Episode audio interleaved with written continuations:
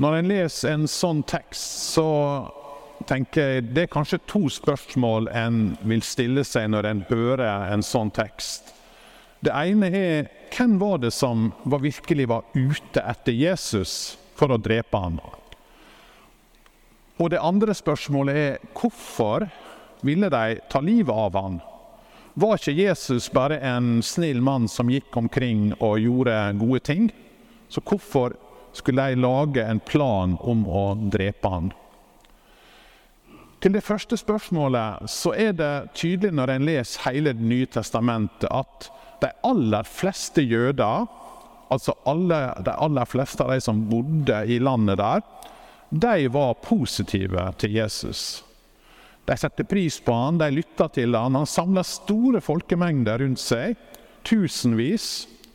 Og når han rir inn i Jerusalem, så er det også en stor folkemengde som hyller han.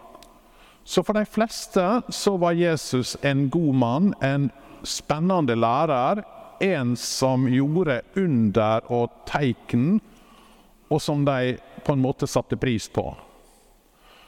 Så er det ei gruppe som heter fariseere, som vi leser om stadig vekk.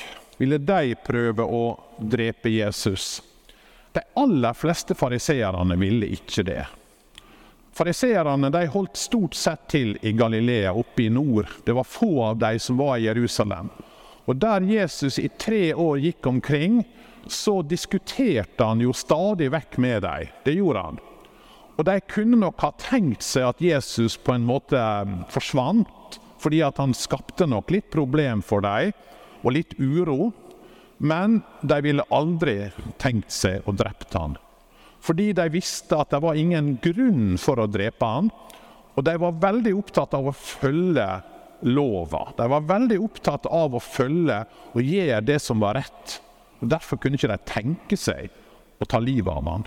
Tvert imot, det er to ganger vi leser om der oppe i Galilea at fariseerne berga Jesus fra å bli drept av andre. Nei, de som virkelig prøvde å fjerne Jesus, det var disse overprestene i Jerusalem og noen få fariseere der. Og Da er vi over til de andre. Hvorfor i all verden ville de prøve å ta livet av Jesus? Hvorfor samla de sammen dette rådet, altså det øverste rådet, eller Sanhidrin, for å diskutere hva de skulle gjøre? Ja, uh, de sier jo det. Let vi han holde fram slik, kjem snart alle til å tru på han. Og romerne kjem og tek både den heilage staden og folket vårt. For oss så gir ikke det så mye mening. Alle kommer til å tro på han. Ja vel, hva er problemet med det? Tru er privatsak, det er jo bare hva du tror på, spiller ingen rolle. Hvorfor skulle romerne ha noe med dette å gjøre? Hvorfor var dette truende for øversteprestene? For å forstå det, så tenker jeg at vi trenger litt hjelp til å se hva er situasjonen her i Israel når Jesus trer fram, når Jesus altså virker. Hva er situasjonen? Og Da må en gå litt tilbake, for dette handler både om den religiøse historia, det som vi kan lese om i Det gamle testamentet. Men det handler også om hva skal vi si, historia rundt Middelhavet. Så hva er den historia bakover? Jo, i Bibelen så er det en der er jo ei, frelseshistorie. Der er jo en rød tråd. Der er en plan, ei lang linje, der Gud sier 'Jeg vil gjenopprette' etter det som ble ødelagt. Og det gjør han med å velge ut Abraham og det folket som da havna i Egypt, og som blir berga ut fra Egypt og tilbake igjen til landet.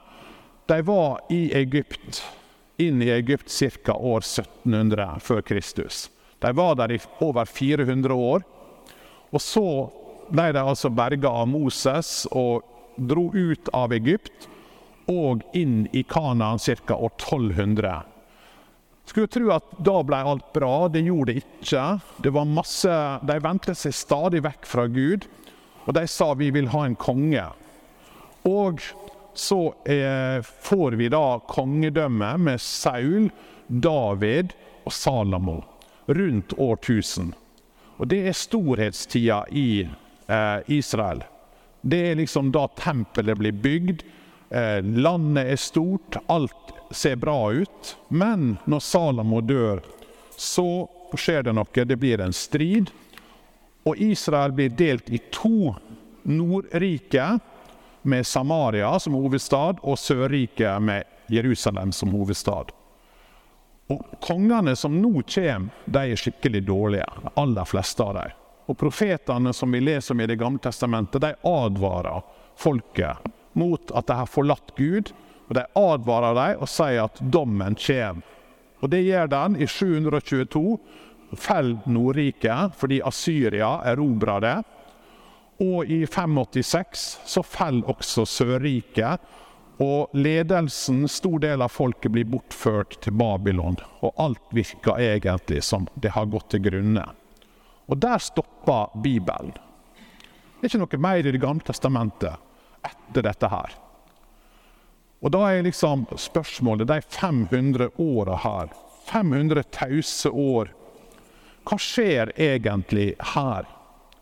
Og Det er da vi må bare kjapt se på den historiske situasjonen. For inn på arenaen kommer Aleksander den store. Han var født i 356 før Kristus. Og han var konge i det makedonske riket. Det ble han da han bare var 20 år, ganske ung altså. Men det han gjorde, det var at han tilbrakte mesteparten av tida si ute på felttog en militær kampanje i det nordlige Afrika og i Asia. Det var en ekspedisjon som var uten sidestykke i historien. Når han var 30 år, altså på ti år, så hadde han underlagt seg dette riket. Alexander den store. Det er ikke uten grunn han blir kalt for Alexander den store. Et av de største rikene i den antikke verden.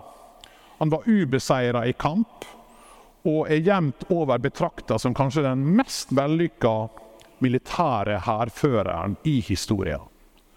Det var Alexander den store. Han dør. Han blir bare 33 år gammel, så han ble ikke gammel. Og når han dør, så skjer det noe. Da blir riket delt i fire.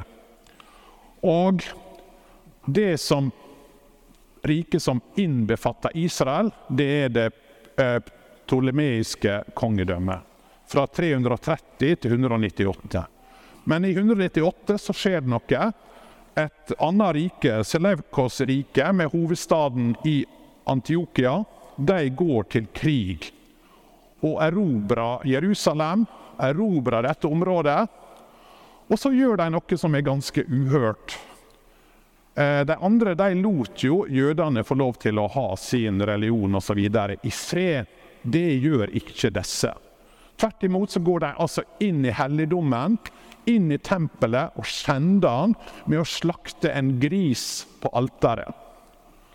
Og dette det skaper jo en voldsomt eh, frustrasjon og sinne og raseri blant jødene. Så de gir rett og slett opprør, denne lille folkegruppa, med en leder som heter Judas Makabeeren.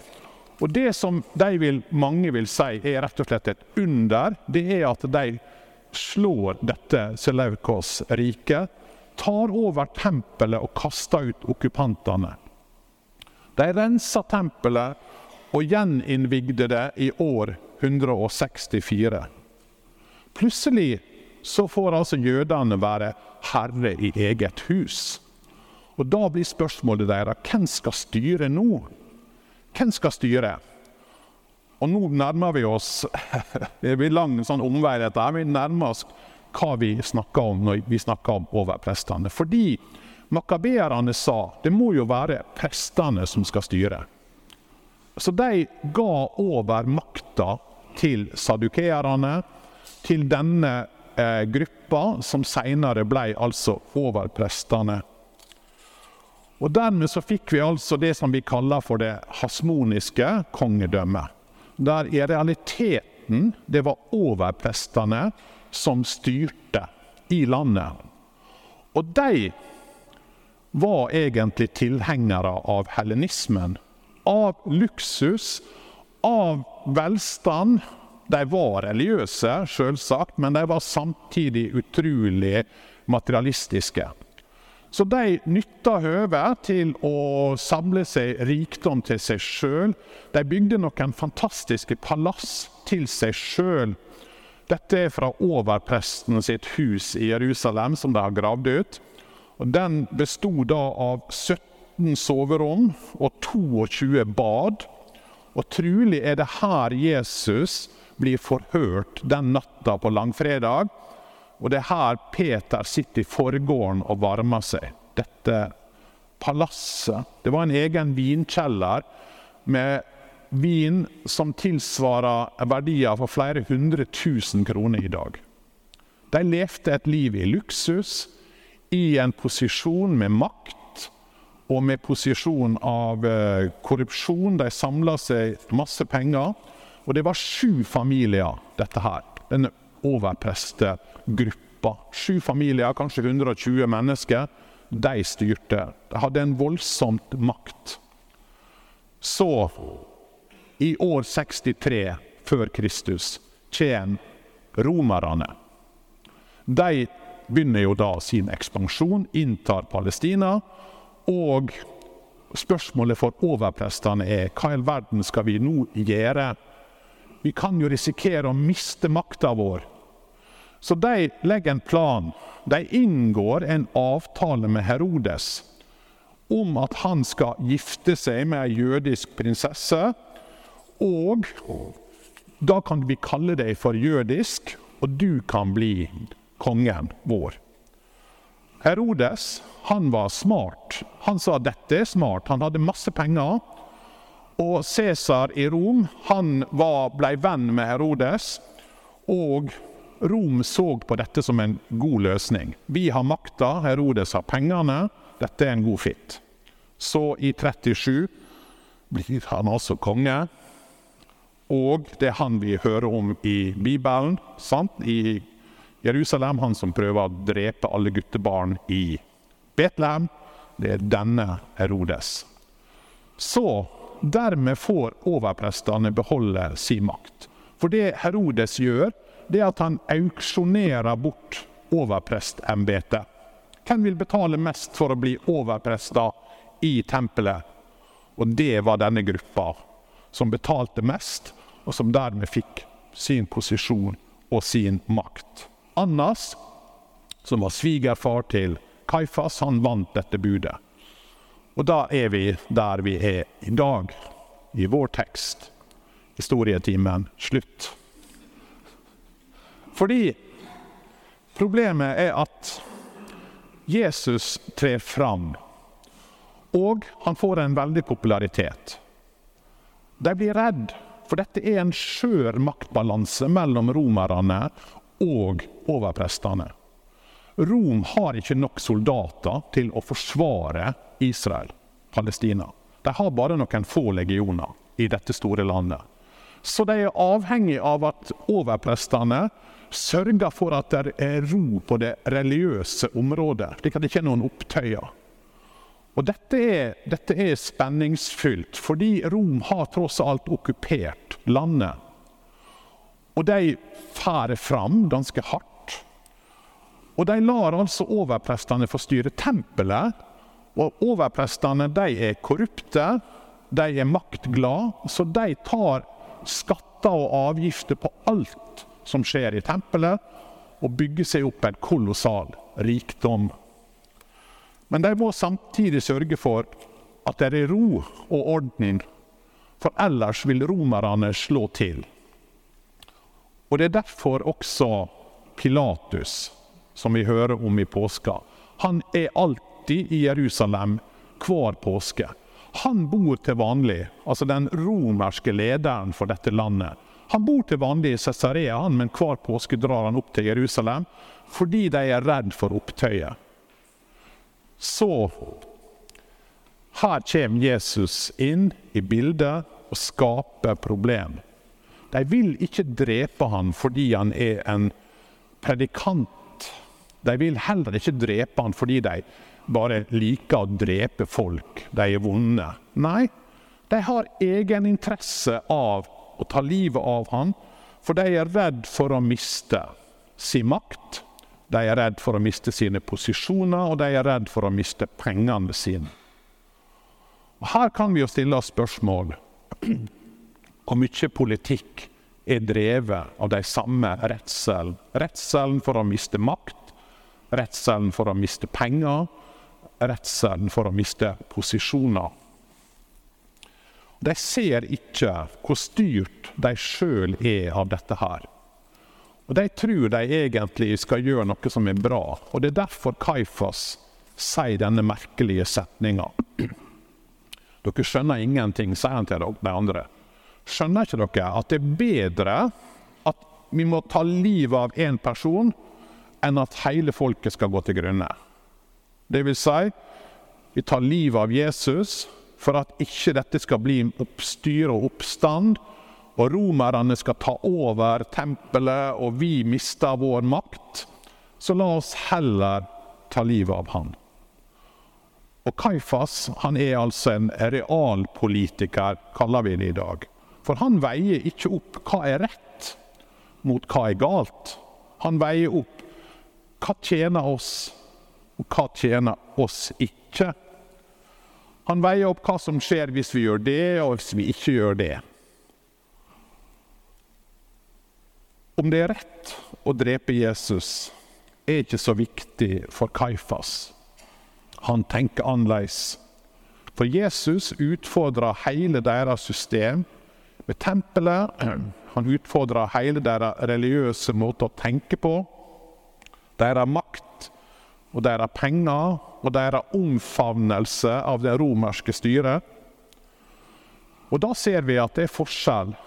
I tre år gikk altså Jesus rundt i Galilea, og fariseerne prøvde å berge han. Han tilbringer ei veke i Jerusalem, og overprestene og sadukeerne de dreper han.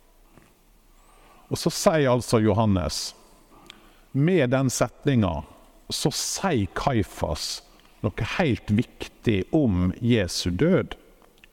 Han skjønner ikke det sjøl. Han aner ikke at han sjøl sier noe helt avgjørende, men Johannes sier når han sier dette, så sier han egentlig hva var hensikten med Jesu død. Det er en dobbel bunn i den setninga. Og sånn er det i Guds rike. Og det tenker jeg Det er alltid det som ser ut som noe på overflata, så er det en åndelig virkelighet som vi ofte ikke ser. Guds plan, Guds veier, Guds tanker. Litt fordi Bibelen sier de Guds planer og Guds tanker er så utrolig mye større enn våre. Derfor er det vanskelig for oss å skjønne det. Men Paulus han kaller det for et mysterium, det som skjer med Jesus. Hvorfor Jesus måtte dø. Og hva den døden hadde av betydning for oss, til og med vi som sitter her i kirka, 2000 år seinere. Det er på en måte et mysterium. Det er noe som på en måte er skjult, og som plutselig bare går opp for en. At en skjønner Oi, det er dette som skjer. Det er mange vers i Bibelen som på en måte prøver å avsløre litt av dette mysteriet. Paulus sier det sjøl i Efeserne 1. I Han har vi fridommen, kjøpt med Hans blod, tilgjeving for syndene. For så rik er Guds nåde. Så sier altså Johannes er nettopp det som skjer disse dagene i påska, som vi nærmer oss nå. At Jesus kom han døde for vår skyld, for å frelse oss, for å samle alle oss som ble spredd bort fra Gud, og kalle oss hjem igjen til Han. Han kom for å gi oss ei tilgitt fortid og håp for framtida. Og det er dette egentlig Kaifas sier uten å skjønne det. Han dør for folket for oss. Og hans ønske for oss er jo at vi tar imot denne frelsa som han vil gi oss. For han rekker den fram til oss, alle sammen, uansett hvem vi er. Hva vi har gjort. Hvor mye vi har trodd før. Hvor lite vi har trodd. Så kommer Jesus og sier 'Jeg gjorde dette for deg'. Vil du ta imot det? Vil du høre meg til? Jesus, takk for at du kom for å gi ditt liv for oss. Det er et mysterium som er litt sånn vanskelig for oss å fatte. Og Derfor ber jeg deg bare om at du må la ditt lys gå opp i våre hjerter, når vi ser hvorfor du kom og hva du gjorde for oss. Amen.